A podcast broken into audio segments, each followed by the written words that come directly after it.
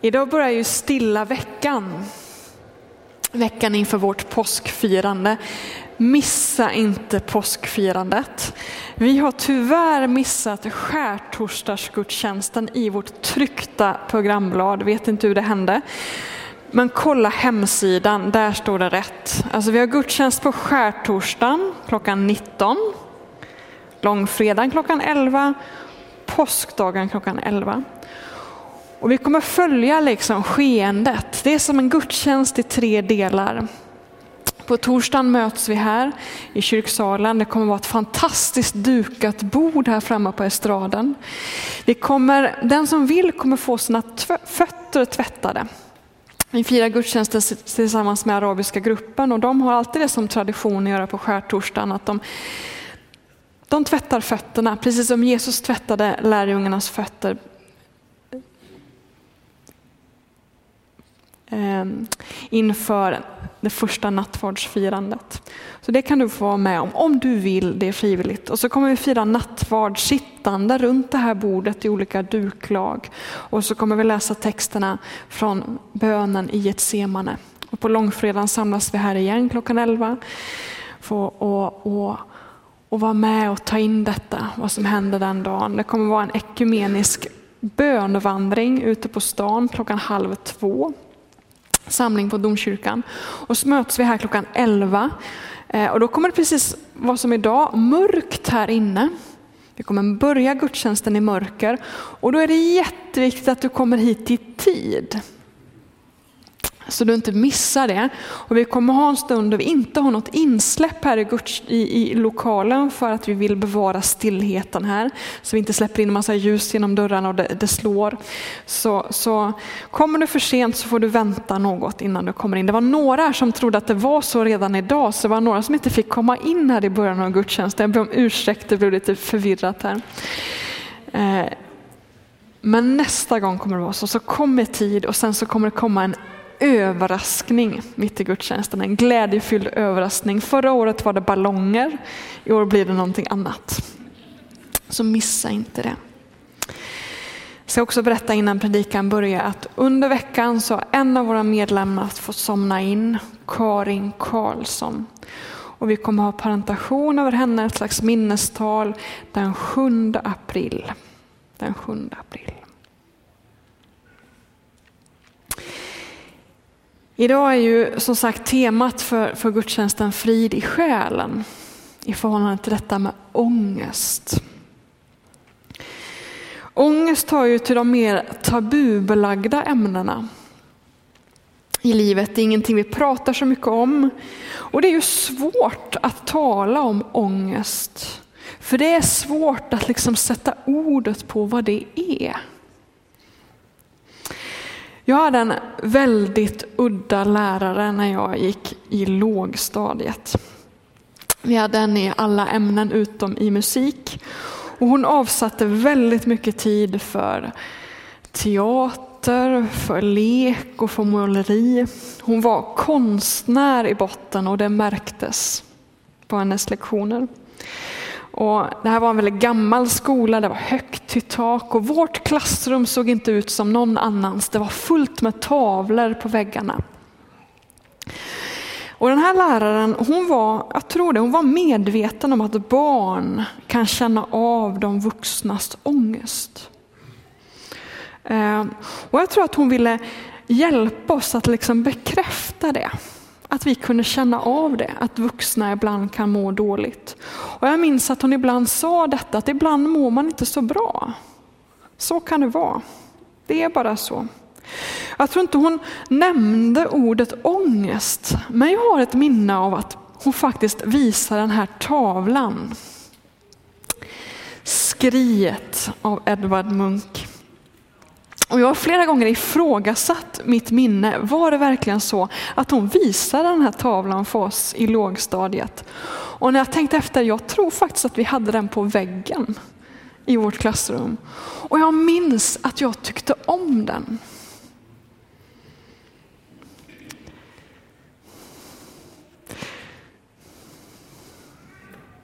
Och jag tyckte om att hon bekräftade att man faktiskt kan må så här ibland, för det hade jag som åttaåring faktiskt redan märkt.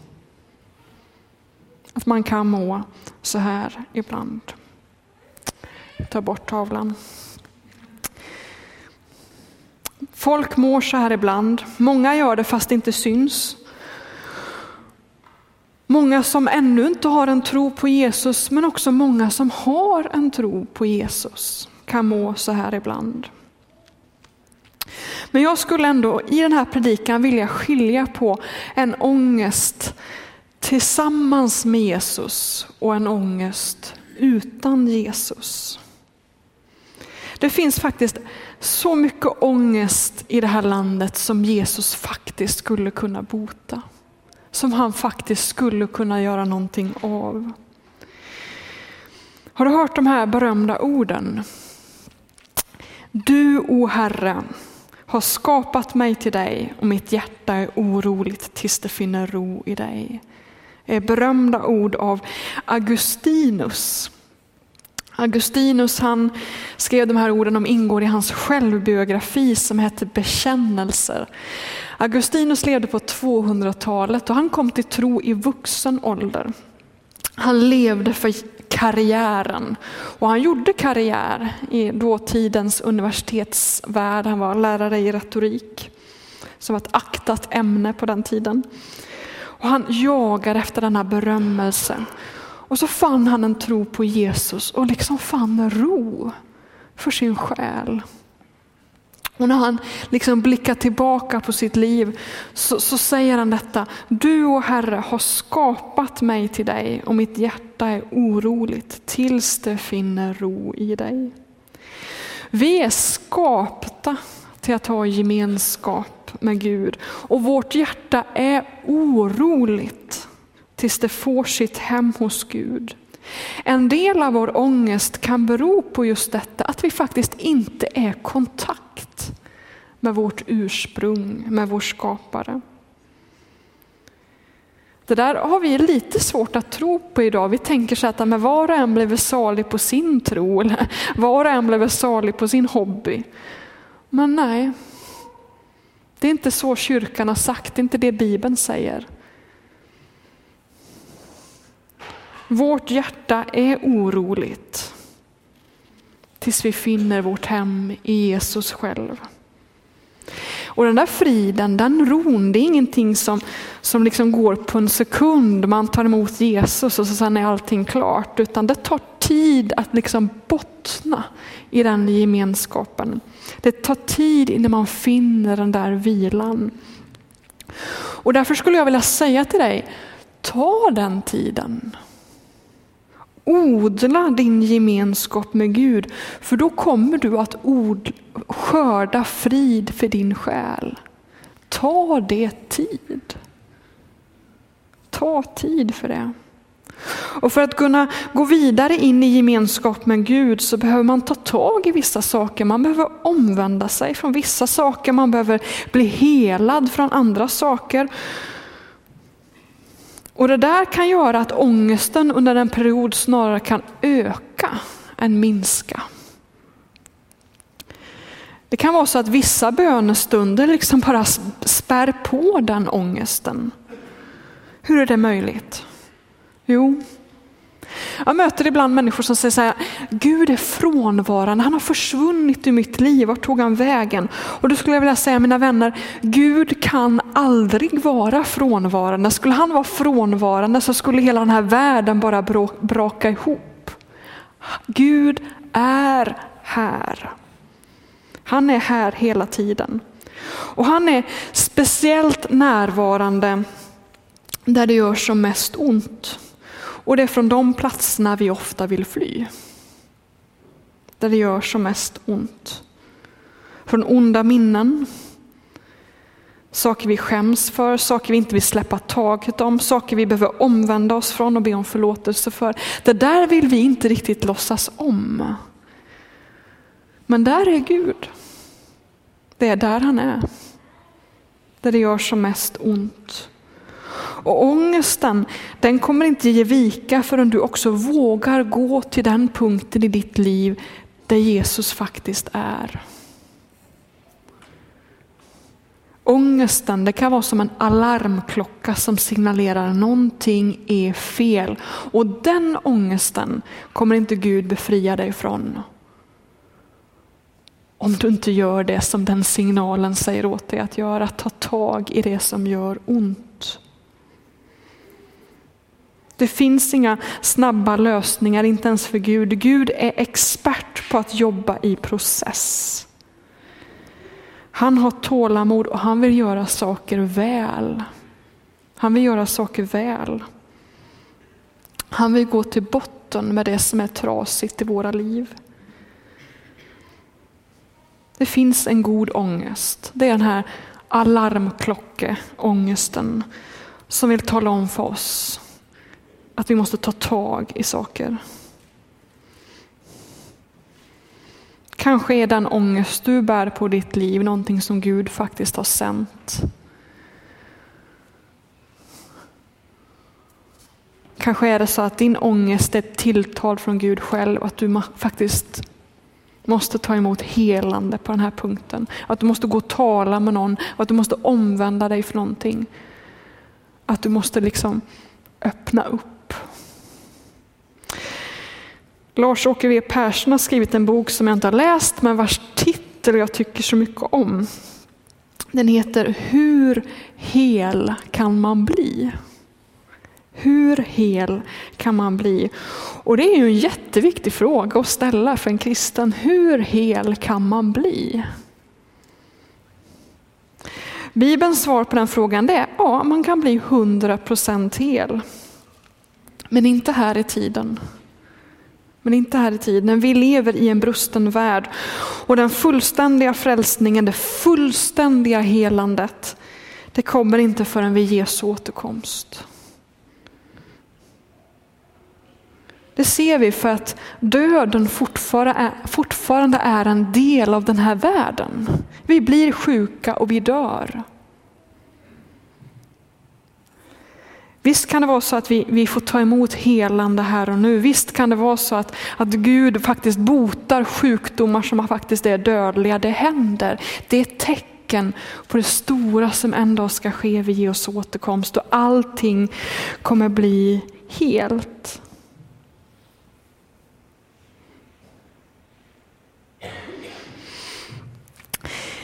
Det är ju inte bara våra egna trauman och våra egna problem och våra egna bekymmer som kan ge oss ångest.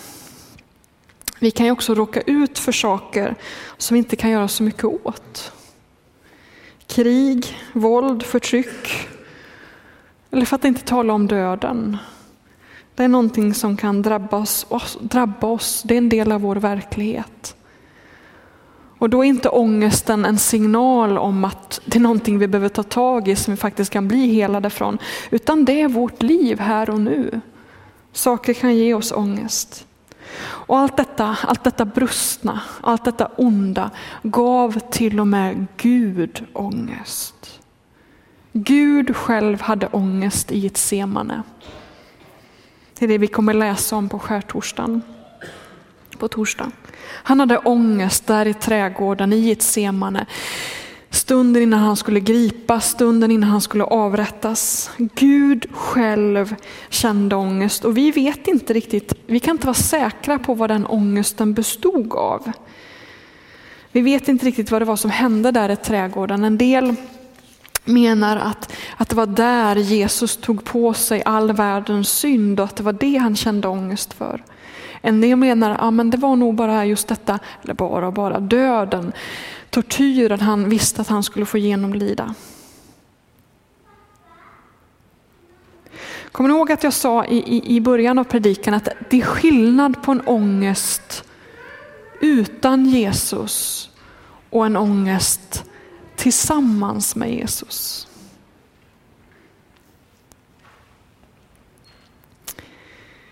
Det finns ångest som Jesus kan befria oss från och så finns det ångest som vi kan ha tillsammans med Jesus. En del kristna tror att, att Gud alltid frälser oss från lidandet. Men då har man inte läst sitt nya testamente för där står det att Gud också frälser i lidandet. I lidandet. Och vi ska gå till, till dagens predikotext som är från Romarbrevet 8. Vi läser från Romarbrevet 8 då, då, då, Paulus tidigare har sagt just detta att frälsningen är total men vi har ännu inte sett fullheten. Det är ett hopp som ännu inte är uppfyllt. Vi lever i en brusten värld och vi ropar och vi längtar och vi suckar efter det som ska komma. Och så har han den här slutklämmen. Romarbrevet 8, vers 35. Vem kan då skilja oss från Kristi kärlek? Nöd eller ångest? Förföljelse eller svält? Nakenhet, fara eller svärd? Det står ju skrivet, för din skull lider vi dödens kval dagen lång, vi har räknats som slaktfår. Nej, över allt detta triumferar vi genom honom som har visat oss sin kärlek.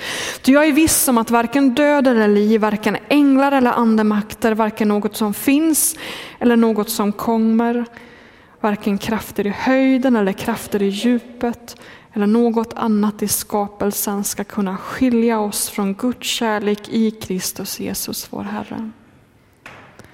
Det här är ju ett älskat bibelord, kanske känner du igen det. Låt oss titta extra noga på vers 36. Här citerar Paulus Saltaren, Bibelns bönebok. Han, han citerar psalm nummer 44, vilket är en klagosalm. Det finns många klagosalmer i Saltaren. Ord som kan ge din sorg och din ångest ja, vad skulle jag säga, hjälpa dig att kunna formulera det. Det är en sån hjälp att läsa, att läsa de bönerna. Och här, här citerar han psalm nummer 44. Och det är en bön som börjar så här genom att se tillbaka på allt det goda som Gud har gjort mot Israel. Hur, hur bra han har varit på att skydda från lidande. Och så, och så vänder salmen när, när, när, när salmisten börjar säga, ja men se hur det är nu då. Vi drabbas av det här och det här och det här och det här och du hjälper oss inte. Var har du tagit vägen? Vakna. Läs gärna den salmen. Och så står detta. För din skull lider vi dödens kval dagen lång, vi har räknat som slaktfår.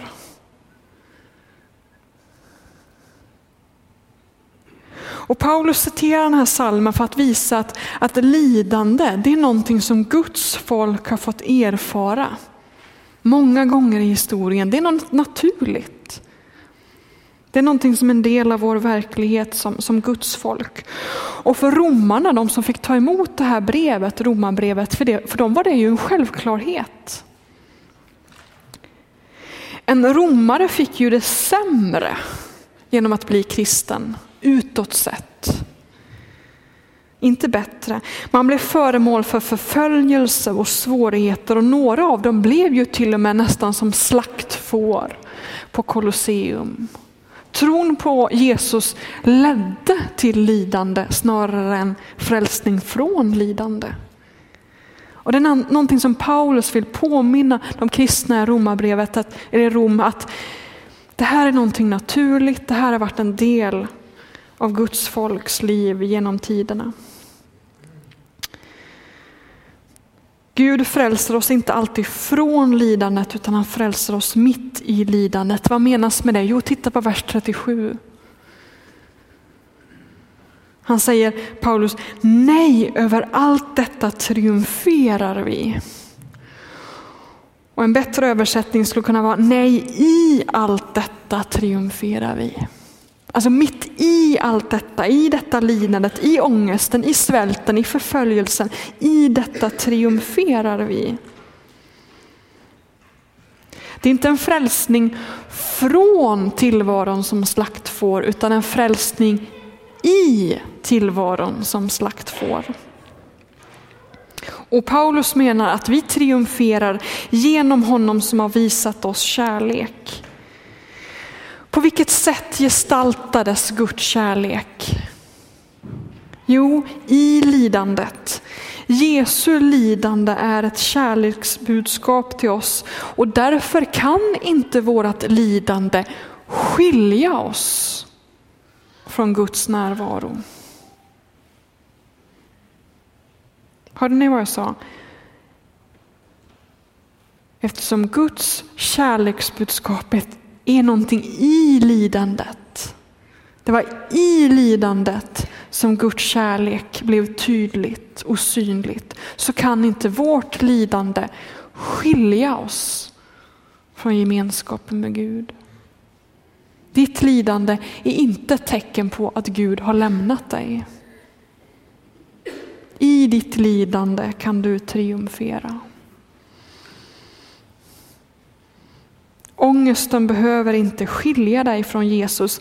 Den kan få förena dig med Jesus istället.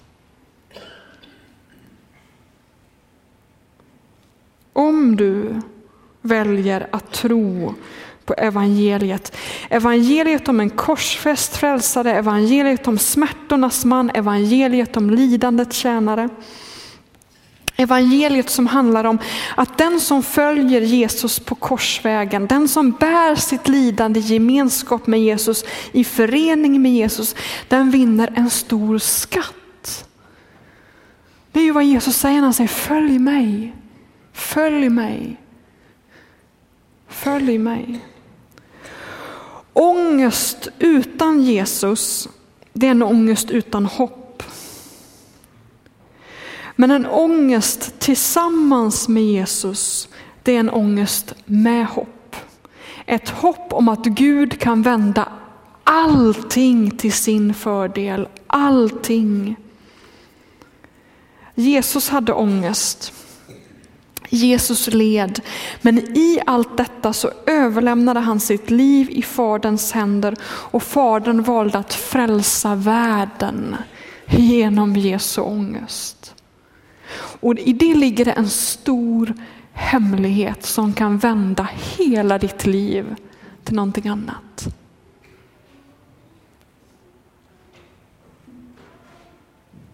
Lidandet är något djävulskt, lidandet är något hemskt. Men när man går på den här korsvandringen i en överlåtelse, i en tro på Jesus, då kan Gud vända allt detta till, till, till din fördel. Och det är det som är triumfen. Att djävulen inte får sista ordet, att ångest inte får sista ordet, att, att Gud kan göra någonting med det mest brustna. Med det som gör ont. Vi har ett hopp det är det Jesu uppståndelse visar, att, att Gud alltid kan vända mörkret till ljus. Att det finns en skatt i änden av vägen. Det finns en triumf. Låt oss till sist gå i, till inledningen av Uppenbarelseboken. Det är den sista boken i Bibeln och där möter vi lärjungen Johannes och han har gått på den här vandringen. Han har gått på den här vandringen. Och han sitter fängslad för sin tro på Jesus. Alltså han har inte blivit frälst från lidandet. Han har drabbats av lidande på grund av sin tro på Jesus. Och han, han säger så han är medveten om detta. Han säger så här i inledningen av Uppenbarelseboken. Jag Johannes, er broder. Han talar till oss här. Jag Johannes, er broder, som i Jesus det är viktigt. I Jesus.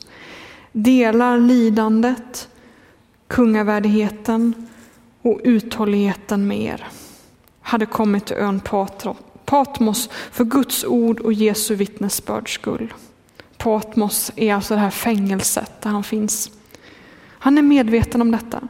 Att det är tron på Jesus som har fört honom in i detta fängelse. Och han vet att det är i Jesus som han delar lidandet, kungavärdigheten och uthålligheten.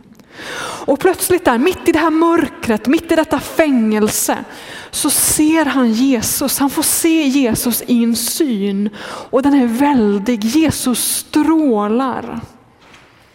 Du kan läsa om det i kapitel 1 i Uppenbarelseboken.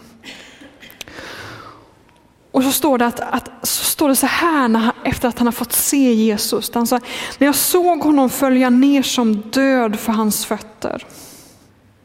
Och han la sin högra hand på mig och sa, var inte rädd. Jag är den första och den sista och den som lever. Jag var död och se, jag lever i evigheters evighet och jag har nycklarna till döden och dödsriket. Alltså det Jesus säger, var inte rädd. Var inte rädd. Var inte rädd. Jag har kontroll, jag har makt. Var inte rädd. Allting kommer bli bra. Och ta till dig det som en hälsning in i ditt liv. Johannes, han delar lidandet tillsammans med dig i Jesus. Och Jesus säger till dig, var inte rädd. Jag har nycklarna till döden och till dödsriket. Jag har makt. Jag kommer få sista ordet. Jag har en bok hemma som heter Landet där tankarna funnit ro. Och den innehåller texter av en man som heter Isak Syrian. Han levde på 600-talet.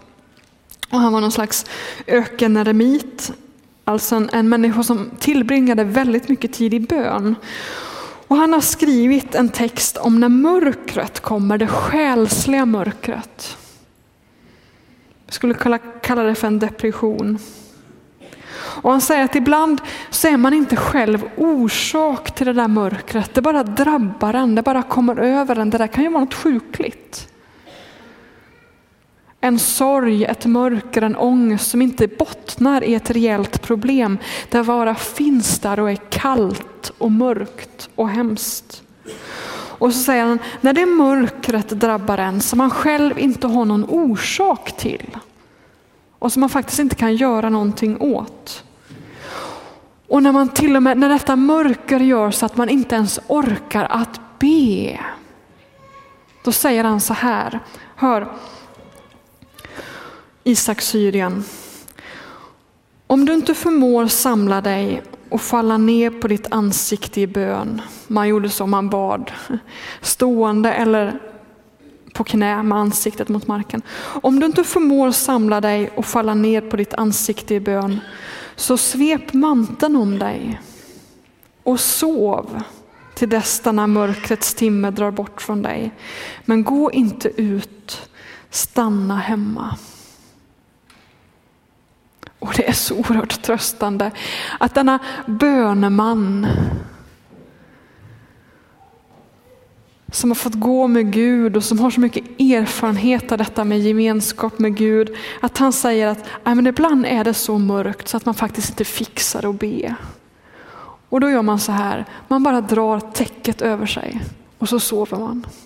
Och så väntar man till det ska gå över. Och så är det så vist, gå inte ut, stanna hemma. Han vet hur utsatt man är i ett sånt läge. Och det har jag tänkt på många gånger. Dra täcket över huvudet, sov. Det kommer gå över. Det kommer gå över. Vi har ett hopp. Vi har ett hopp. Jesus säger, var inte rädd. Jag har makt, jag har nycklarna till döden och till dödsriket. Och Jesus han har erfarit den här ångesten. Han kan finnas mitt i din ångest. Tänk på det mitt i din oro, mitt i ditt mörker, att du är inte ensam. Jesus är där, han är där på riktigt och känner med dig. Låt oss be.